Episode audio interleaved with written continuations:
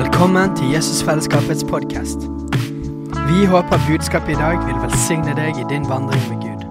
Og om du vil ha mer informasjon om menigheten, kan du gå inn på jesusfellesskapet.no.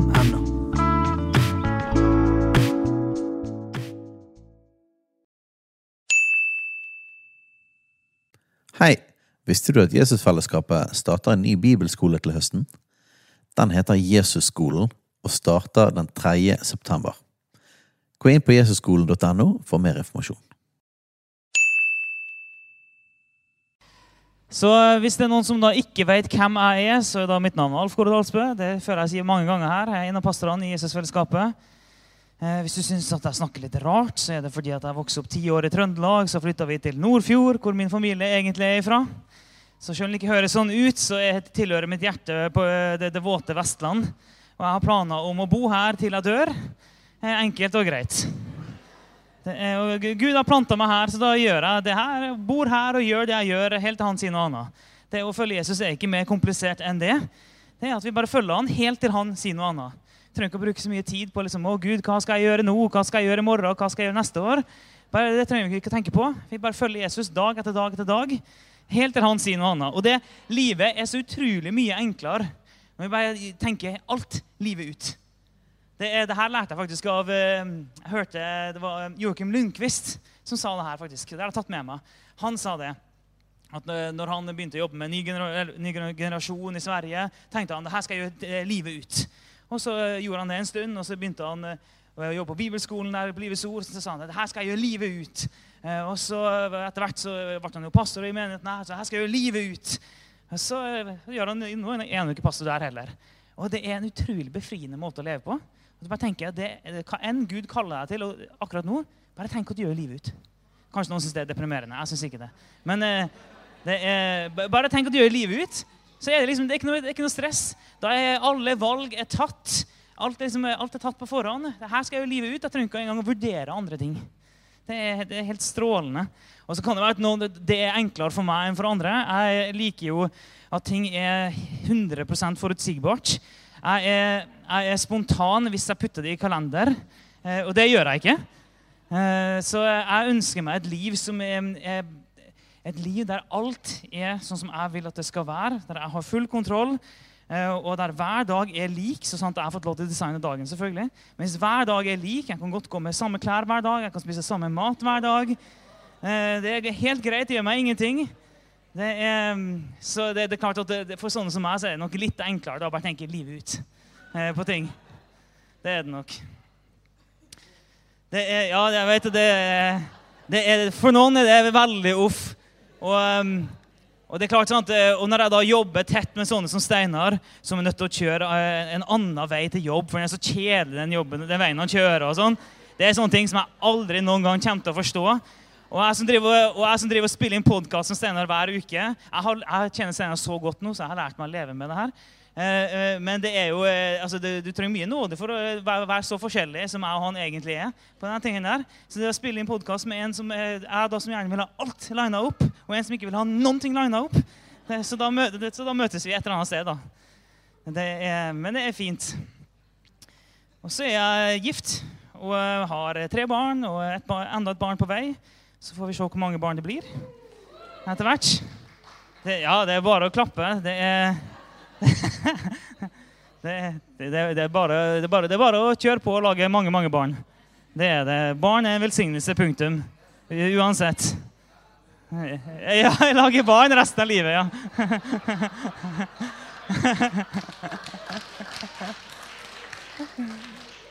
Ja, det, det, er selvfølgelig enkelt for meg å si. Det, det er det.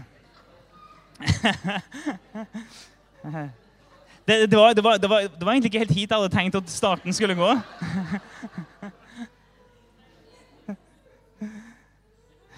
Ja Men eh, jeg vokste opp som eh, pastorsønn. Og eh, hele min familie har, kjenner Jesus. Og jeg har en fantastisk åndelig arv med liksom, at eh, alle i min slekt kjenner Jesus. Så det hadde vært et eh, mirakel om jeg ikke hadde vandra med Jesus dag nærmest. Så jeg har vært veldig heldig eh, på den måten. Um, og jeg har da vokst opp og um, hørt på pappa forkynne hele livet.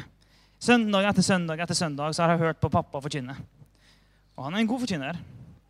Det er han. Men det er jo klart at det, det, jeg husker noen ganger det, det, gjør jeg. Jeg husker noen ganger hvor jeg satt, satt på andre rad der jeg alltid satt. Og så satt jeg av og til noen ganger og bare så ned på skoene mine og venta på at ting skulle bli ferdig. og sånn. Jeg husker det var en gang pappa faktisk eh, tok en liten alvorsprat med meg for at jeg var så uinteressert. Det var, eh, så, så jeg har vært gjennom alt det der. Eh, men sånt, jeg har hørt alt i denne boka her gjentatte ganger hele mitt liv. Og det er fantastisk. Det er en rikdom, og det skal jeg gi videre til mine barn. Uten tvil. Men en av de store eller en av utfordringene med å leve med Jesus er at vi blir så vant med boka her at vi egentlig ikke lenger tenker så fryktelig mye på hva som står inni her. Og vi blir så vant med historien om Jesus at ikke vi lenger tenker så voldsomt mye over hva den historien egentlig er for noe. Hva den historien egentlig forteller.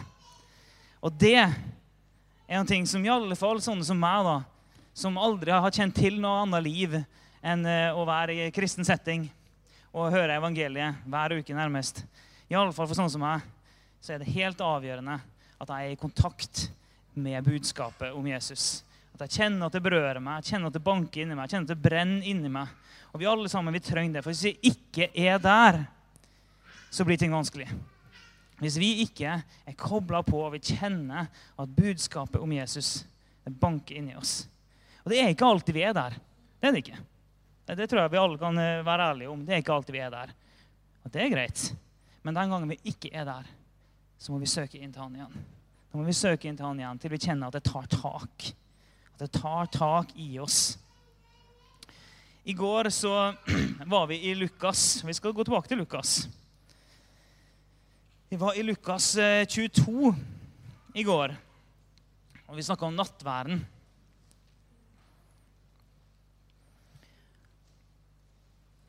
For det er jo skjærtorsdag. Jesus har sitt siste måltid. Steinar snakka om at uh, nattverden handler om at vi må, uh, at ikke vi skal glemme evangeliet. Vi skal leve ut fra evangeliet.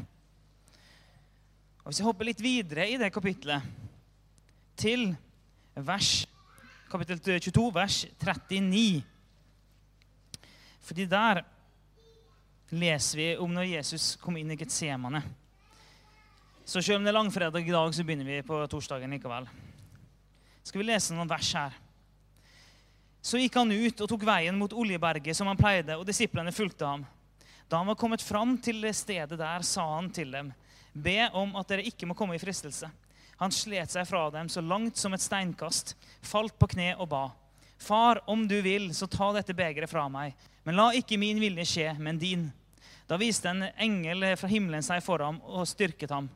Og han kom i dødsangst og ba enda mer inntrengende, så svetten falt som bloddråper ned på jorden. Da han reiste seg fra bønnen og kom tilbake til disiplene, fant han dem sovende, overveldet av sorg. Hvordan kan dere sove? spurte han. Reis dere og be om at dere ikke må komme i fristelse. Og Vi alle har hørt historien om Jesus. Vi alle har hørt at Jesus han kom til verden og døde på et kors. Og han døde for meg. Vi alle har hørt det. Men det er så lett for oss å tenke at Jesus kom ned på en rosa sky på jorda og levde et liv som bare var deilig og godt og kjekt. Eh, og så kom dagen da han skulle eh, ordne opp i ting. Og så bare fløy han opp på korset, hadde en nydelig utsikt over Jerusalem og tenkte at for et fint liv, og det her skal bare bli enda bedre. Og nå blir alt fint, og alt er fullbrakt. Og så ble han bare tatt opp til himmelen, og så, og så kan vi takke ham for det. Er det noen som tror på det?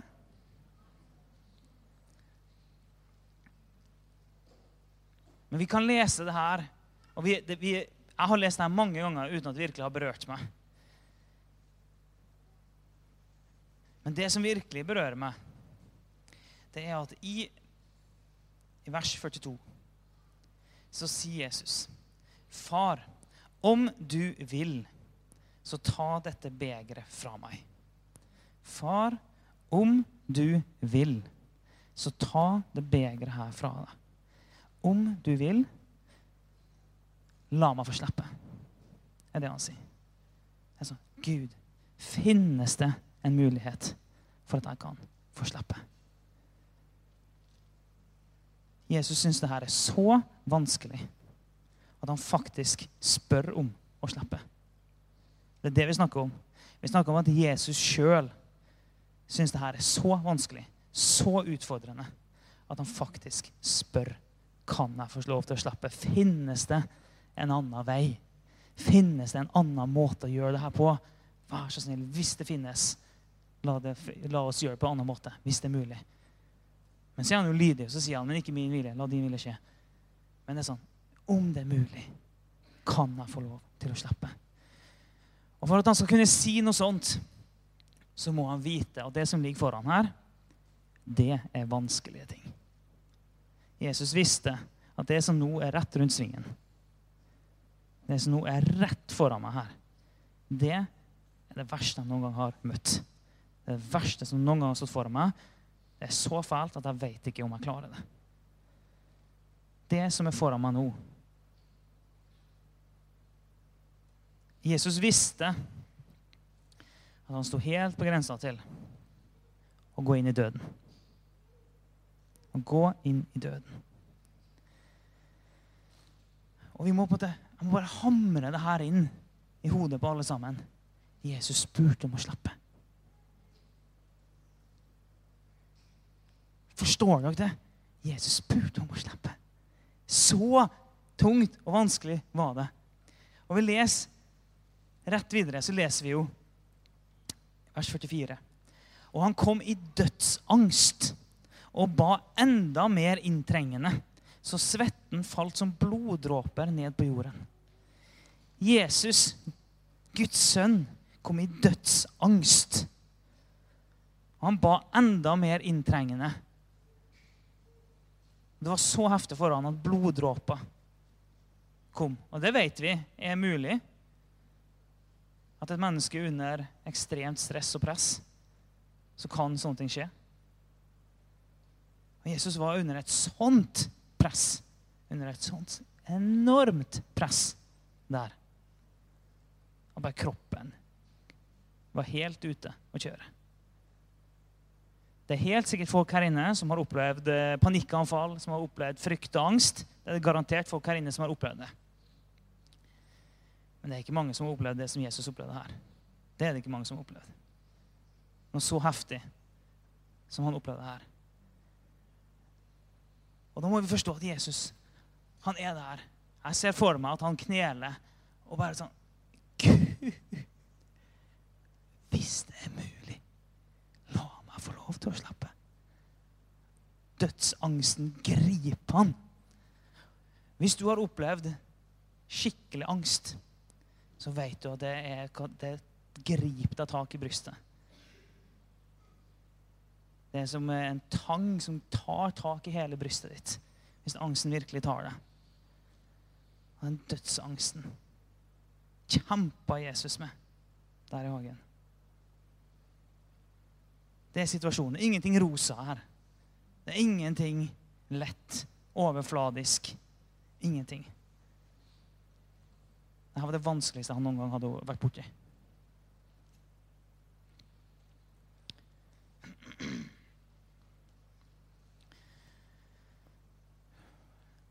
Og det er sånn at eh, vi vil, vi vil bare kunne være takknemlige for han hvis vi virkelig forstår hva det var han gjorde. Så bare når vi forstår hvor mye det kosta han, så kan vi gi han den takken han fortjener. Bare når vi forstår den prisen han betalte, bare da kan vi gi han det han fortjener. Men hvis vi ikke veit hva det var han betalte, hvis ikke vi forstår hva han gikk gjennom, så vil ikke vi kunne være takknemlige for det heller. Det er litt sånn, eh, hvis, det, hvis, noen her inne kommer og gir meg en hundrelapp, så er det fint, det. Takk.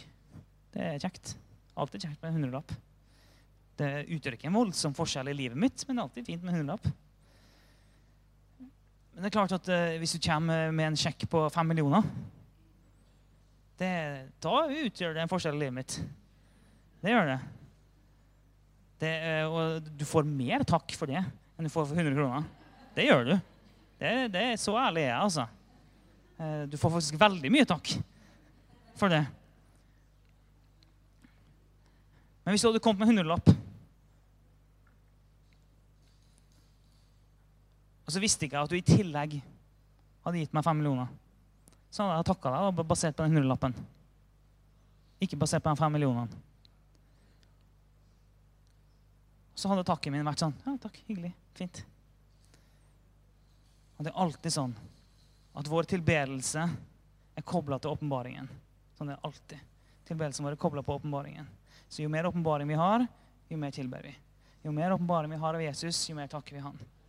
Og Derfor trenger vi alltid å gå tilbake til Guds ord og passe på at vi har åpenbaring på det som står her, og at det ikke får lov til å bli noen ting vi bare leser, men at det er levende for oss.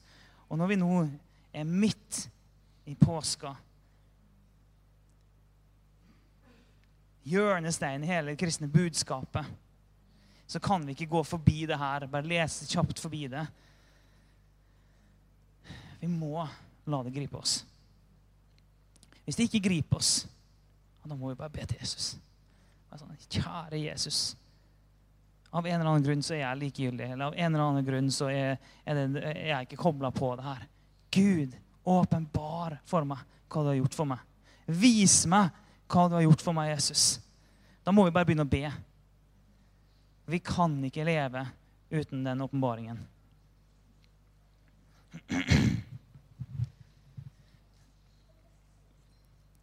Og Når vi leser litt videre her, så etter at Jesus eh, hadde bedt vi, vi, vi, skal ikke lese gjennom alt det her, for det, det blir for mye. Men eh, så blir han jo tatt til fange. Det er mange ting som skjer her. Og Peter fornekter Jesus, og Jesus blir satt foran Det høye råd, og han blir satt foran Pilatus. og Så blir han sendt til Herodes, og så blir han sendt tilbake til Pilatus. Det er mye greier som skjer. Det er mange ting vi kunne ha tatt tak i der, men det, eh, det har vi ikke tid til i dag. Så når alt dette har skjedd, så hopper vi inn igjen i historien i kapittel 23, vers 13. Når Jesus har kommet tilbake igjen til Pilatus.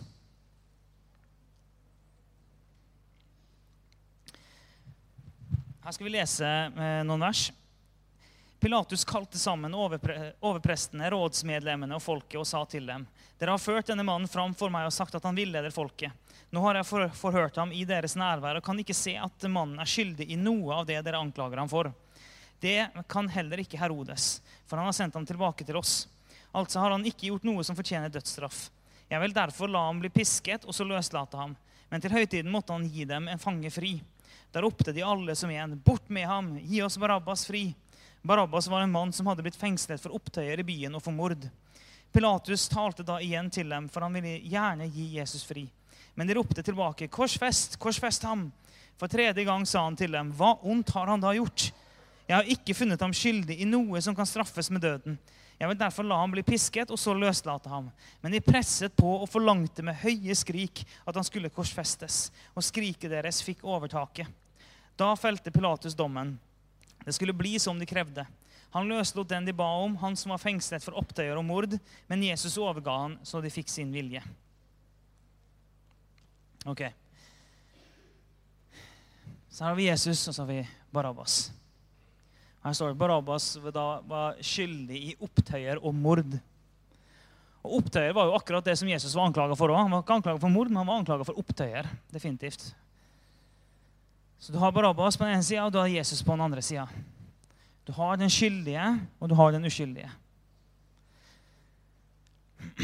Du har en som har stelt seg en opptøyer, du har en som har kommet med fred.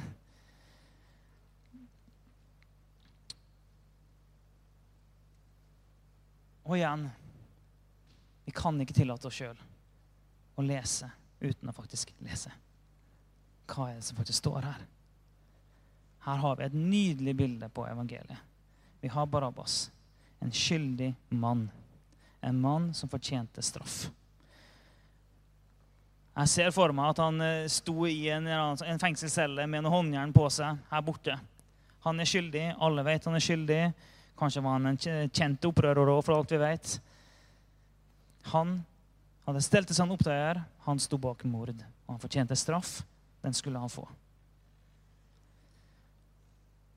Og så har vi Jesus her borte, som blir anklaga for noe, men han er helt uskyldig.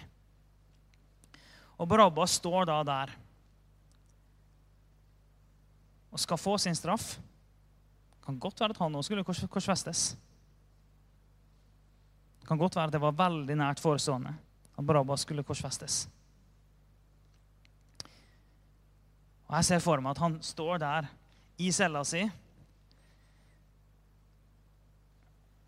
tenker på nå er det over. Han vet hva som venter han. Så hører han noen voldsomme lyder noen voldsomme opptøyer og masse greier og masse folk. Og så hører han at det skjer masse greier. Så hører han at folk og roper 'Korsfest han! Korsfest han!' Tenker han kanskje at det er han sjøl de roper på. Så det, og så ser jeg bare for meg at det kommer noen vakter og tar han ut av cella.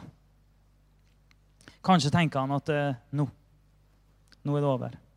Nå er det ferdig. Så blir håndjernene låst opp, og så blir han satt fri.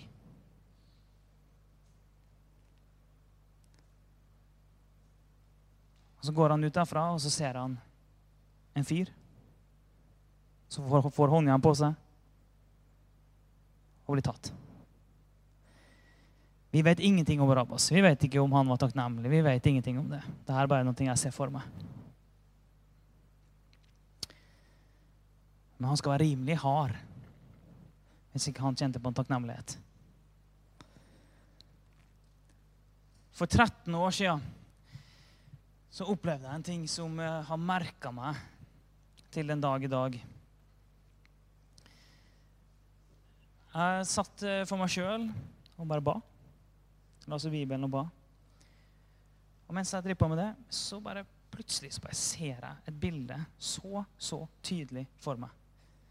Jeg har hatt veldig lite engler og visjoner i mitt liv. Det, det, det, er veldig lite av det. Du vet, Jeg ville bare ha alt forutsigbart. så det, da, da, det, Ulempen med det er at da blir det litt mindre engler. og sånn. Så jeg jobber med å åpne meg mer opp. Er, men eh, så Jeg har ikke akkurat så mye av Jeg har aldri sett et uh, åpent syn foran mine øyne. Men da så jeg noe som opplevdes utrolig tydelig for meg. Det var som, det var som en film foran mine øyne. For Jeg sitter der og ber, og plutselig så ser jeg meg sjøl ligge på en torturbenk der jeg er lenka fast. Hender og føtter er lenka fast til en torturbenk. Og så ser jeg noen ekle vesener rundt meg og demoner rundt meg som står klar til å begynne å torturere meg, stikke i meg og skjære meg. Og rett før de setter i gang, går døra til rommet opp. Lyset kommer inn i rommet. Jesus kommer inn, og så sier Jesus, 'Jeg tar hans plass'. Og når Jesus sa det, så bare løsna lenkene på hendene og føttene mine. Så kunne jeg gå ned fra den torturbenken. Gikk jeg, til, gikk jeg liksom langs veggen av rommet mot døra, sånn at jeg kunne komme meg ut. Så snur jeg meg så ser jeg Jesus legge seg frivillig ned på benken. Strekke ut armer og føtter. Der lenker han fast. Og så ser jeg at de kaster seg over han. Og nei, det står ikke i Bibelen. Det gjør det ikke. Men det har merka meg for alltid. Og jeg fikk en sånn enorm opplevelse av hva Jesus gjorde for meg. Jesus tok min plass. Jeg er Barabbas. Du er Barabbas. Og Jesus tok min plass. Jesus tok din plass. Og når jeg er i kontakt med det, så begynner jeg å takke. Så begynner jeg å tilbe. Men hvis jeg ikke er i kontakt med det, så føles Gud langt unna.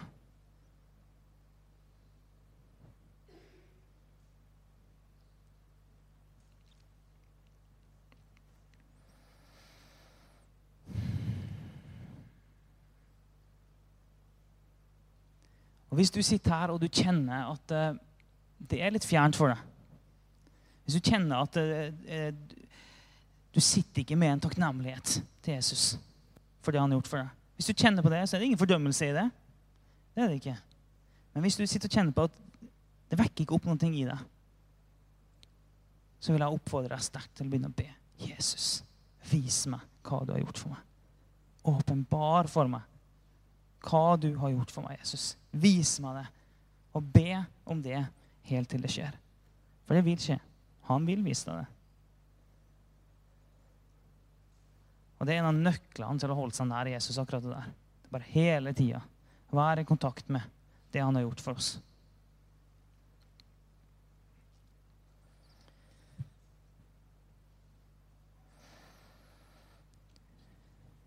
Vi kan lese litt videre.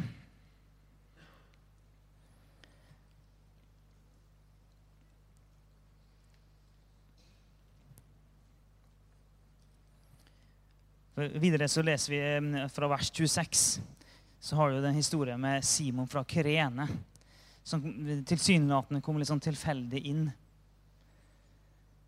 Og Så eh, får han korset til Jesus på seg, og så må han bære det korset. Og vi vet det at eh, den som skulle korsfestes, måtte bære det korset. Men Jesus han var tydeligvis ikke i stand til å bære det korset. Og det er egentlig ikke så veldig rart, for vi, vi leser jo om andre steder i Bibelen at, Jesus har fått hudstrøket. Og det er alltid sånn Igjen, vi må lese Bibelen virkelig. Hudstrykking høres utrolig koselig ut. Det, det, er sånn som eh, når jeg skal legge mine unger, spesielt min, min eldste Han sånn 'Kan du kose på ryggen min?' Da, da, drev jeg på med den koselige formen for hudstrykking. Men det er ikke det vi snakker om her. Jeg leste en, eh, en ekspert på nytestamentlig tid. Han, eh, han, beskrev det som at det som foregikk, det var de redskapene de hadde med sånne kroker som hadde festa seg i kjøttet og reiv ut kjøttbiter. Og så beskrev han det som at det, som var igjen, det var bare en, eh, en sånn mos av kjøtt på kroppen. Det var sånn han beskrev det. At mennesker som ble utsatt for det der, som bare fullstendig maltraktert kunne han bli. Og mange døde bare av den hudstrykkinga òg. Så på det punktet her så var Jesus fysisk maltraktert. Så ødelagt at han ikke klarte å bære det korset. Og det må vi ha klart for oss. Han gikk ikke der med en sånn triumfferd og tenkte at nå tar jeg korset på skuldrene mine så bare går jeg opp på den høyden her. Så blir vi ferdig med det, og så vinner vi seier. Han var helt ødelagt.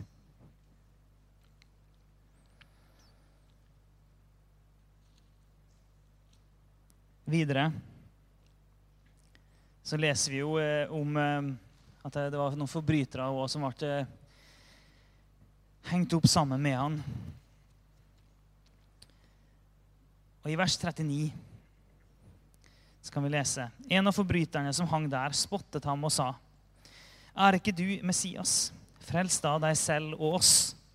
Men den andre irettesatte ham og sa, Frykter du ikke Gud enda du har samme dom over deg? For oss er dommen rettferdig. Vi får bare igjen for det vi har gjort. Men han har ikke gjort noe galt. Så sa han, 'Jesus, husk på meg når du kommer i ditt rike.' Jesus svarte, 'Sannelig, jeg sier deg, i dag skal du være med meg i paradis.'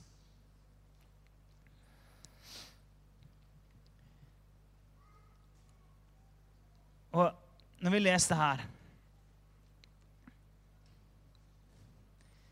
så leser vi om en eh, forbryter, en synder, som i vers 41 så sier han For oss er dommen rettferdig. Vi får bare igjen for det vi har gjort. Men han har ikke gjort noe galt. Hva kan han egentlig gjøre der? Det han gjør der, er at han bekjenner sin synd. Han anerkjenner at han har gjort noe galt. Han anerkjenner at han fortjener straff. Det gjør han. Og vi har gjort noe galt. Det har vi. Men Jesus, han er uskyldig. Så det Han gjør, han, han anerkjenner sin egen synd. Og han strekker seg mot han som er uten synd. Det er det han gjør. Og det, Han hadde ingen tanker om at det skulle føre til noe mer, virker det som. Men det er jo bare Guds enorme nåde som alltid trekker seg mye lenger enn det vi forstår og tror og har noe som helst peiling på. At Guds nåde alltid går lenger. Men han hang på korset der. Han forsto at han fortjente å henge der. Han forsto at han fortjente straff. Og han forsto at Jesus ikke fortjente det. Og det vet vi. At skal vi bli frelst, så er vi nødt til å forstå at vi fortjente straff. Vi fortjente å gå fortapt. Og det er bare når vi forstår hva vi er frelst fra, at vi virkelig forstår hva vi har blitt frelst til. Det er veldig lett å tenke at vi kjenner Jesus og vi har fått himmelbilletten i lomma. Nå, nå, nå, kjører vi. Men vi trenger faktisk å forstå hva har vi blitt frelst fra. Det kan høres mørkt ut, men det er ikke det. Vi må forstå hva vi har blitt frelst fra. Det er bare da vi faktisk forstår hva vi har blitt frelst til.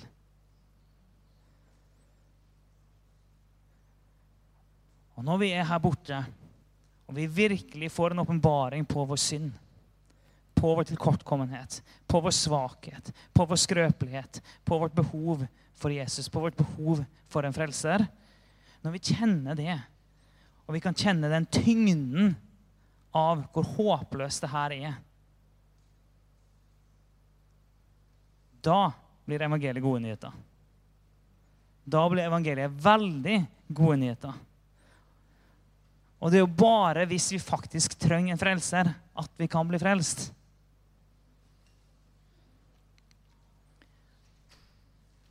Og Av og til så lurer jeg på om vi kanskje er litt redd for å bevege oss bort hit. Til, å, eh, til eh, erkjennelsen av vår egen synd. Men det trenger vi faktisk. For Jesus kom til jorda og døde for å ta hånd om det.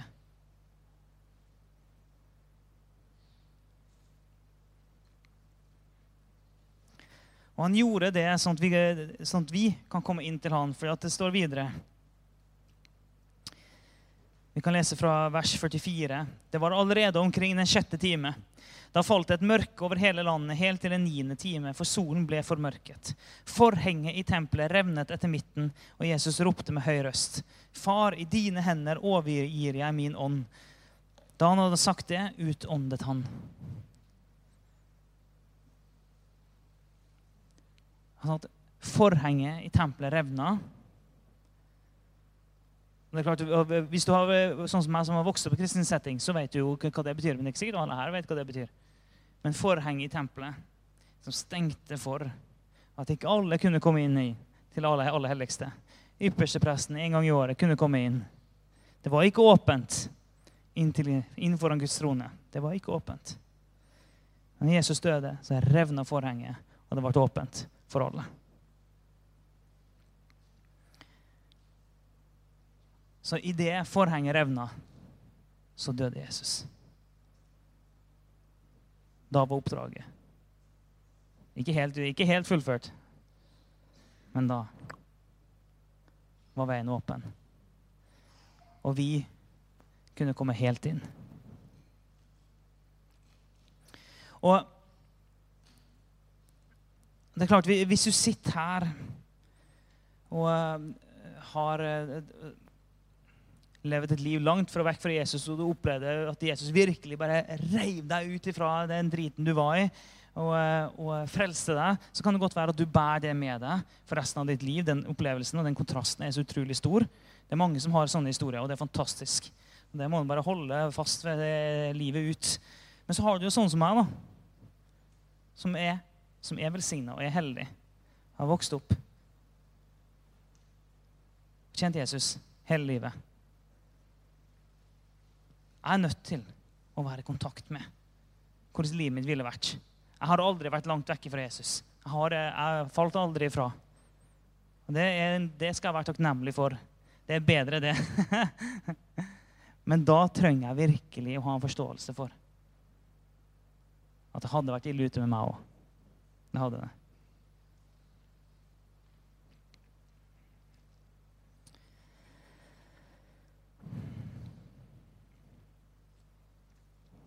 Så langfredag Jesus døde for oss. Og det var så heftig, så vanskelig, at han aller helst skulle slippe.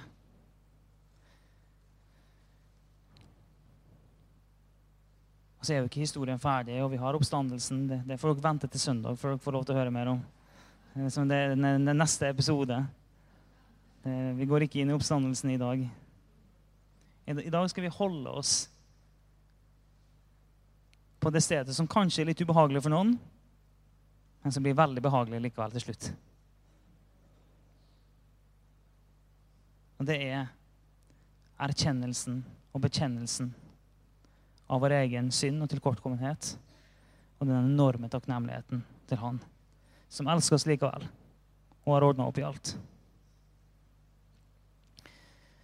Og det, det jeg har lyst til at vi skal gjøre nå,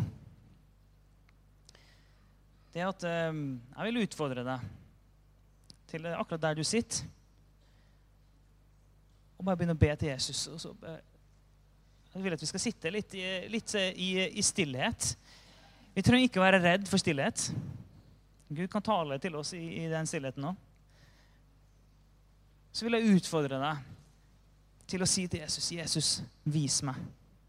Vis meg hva du har gjort for meg. Åpenbar for meg. Gjør det tydelig for meg. Be om at han skal vise det. Be om at du skal komme i kontakt med det. Så jeg er helt sikker på at det er mange her som vil, vil begynne å komme i kontakt med hva Jesus egentlig har gjort for oss. Så vi skal tørre å bare være litt stille og la han vise. Så Jesus, jeg ber om at du nå skal åpenbare for oss hva du har gjort. Hver og en her inne nå. Jeg ber at du skal begynne å tale. Jeg ber at du skal begynne å virke. At du skal åpne øynene våre, så vi kan få se. Men du skal åpne hjertene våre for deg. Så kom og virk, og åpenbar for oss nå, Jesus.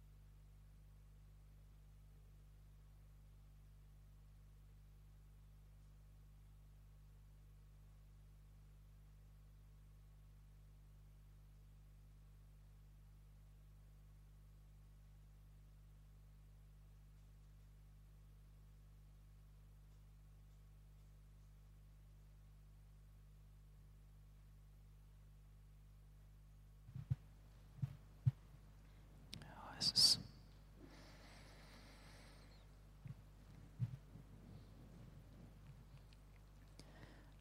Jeg vil oppfordre deg til å ta det her med deg i bønnelivet ditt. Igjen og igjen og igjen. Helt til du merker at det virkelig tar tak. Når, og når det tar tak, så vil du i alle fall ha det i bønnelivet ditt. Så da er det jo gjort. Så det er veldig enkelt og greit. Så fortsett å be den bønnen. Jesus, vis meg hva du har gjort for meg. Vis meg hva du har gjort for meg, Jesus. Og um, vi skal jo ha litt mulighet for eh, betjening um, her òg i dag, i kveld. Vi har det teamet som er her, som jeg har kjempelyst til å be for folk. Og hvis du er her, og det er, om det er helt andre ting, og om det du trenger helbredelse for noen ting, eller om det går på det her, så vil jeg oppfordre deg til å komme fram, søke forbønn. Ja. Så vi gjør det rett og slett sånn at forbedra og eh, teamet, som sikkert får beskjed eh, fra oversetter nå, antar jeg så Teamet kan godt komme fram her. Så har vi noen som kan stå klar til å be. Og så kan vi få på noen lovsang. Og så kan du, hvis du ønsker, så kan du gå bort og være litt sosial. Hvis du ønsker å bare sitte og la Gud tale til deg, så gjør du det. Hvis du ønsker å komme fram til forbønn, så gjør du det så tar du med deg hva Jesus har gjort for deg. Amen. Hei, alle sammen. Det er Katrine og Steinar Lofnes her. Vi er hovedledere for Jesusfellesskapet. Så kjekt du har lyttet til denne podkasten. Har du forresten hørt noen av de andre podkastene våre? Ukens tale, Disippelskolen, Hyrdepodden, Kulturkrigen og Mammas hjerte. Du finner disse podkastene på Spotify, Apple Podkaster og på nettsiden vår jesusfellesskapet.no.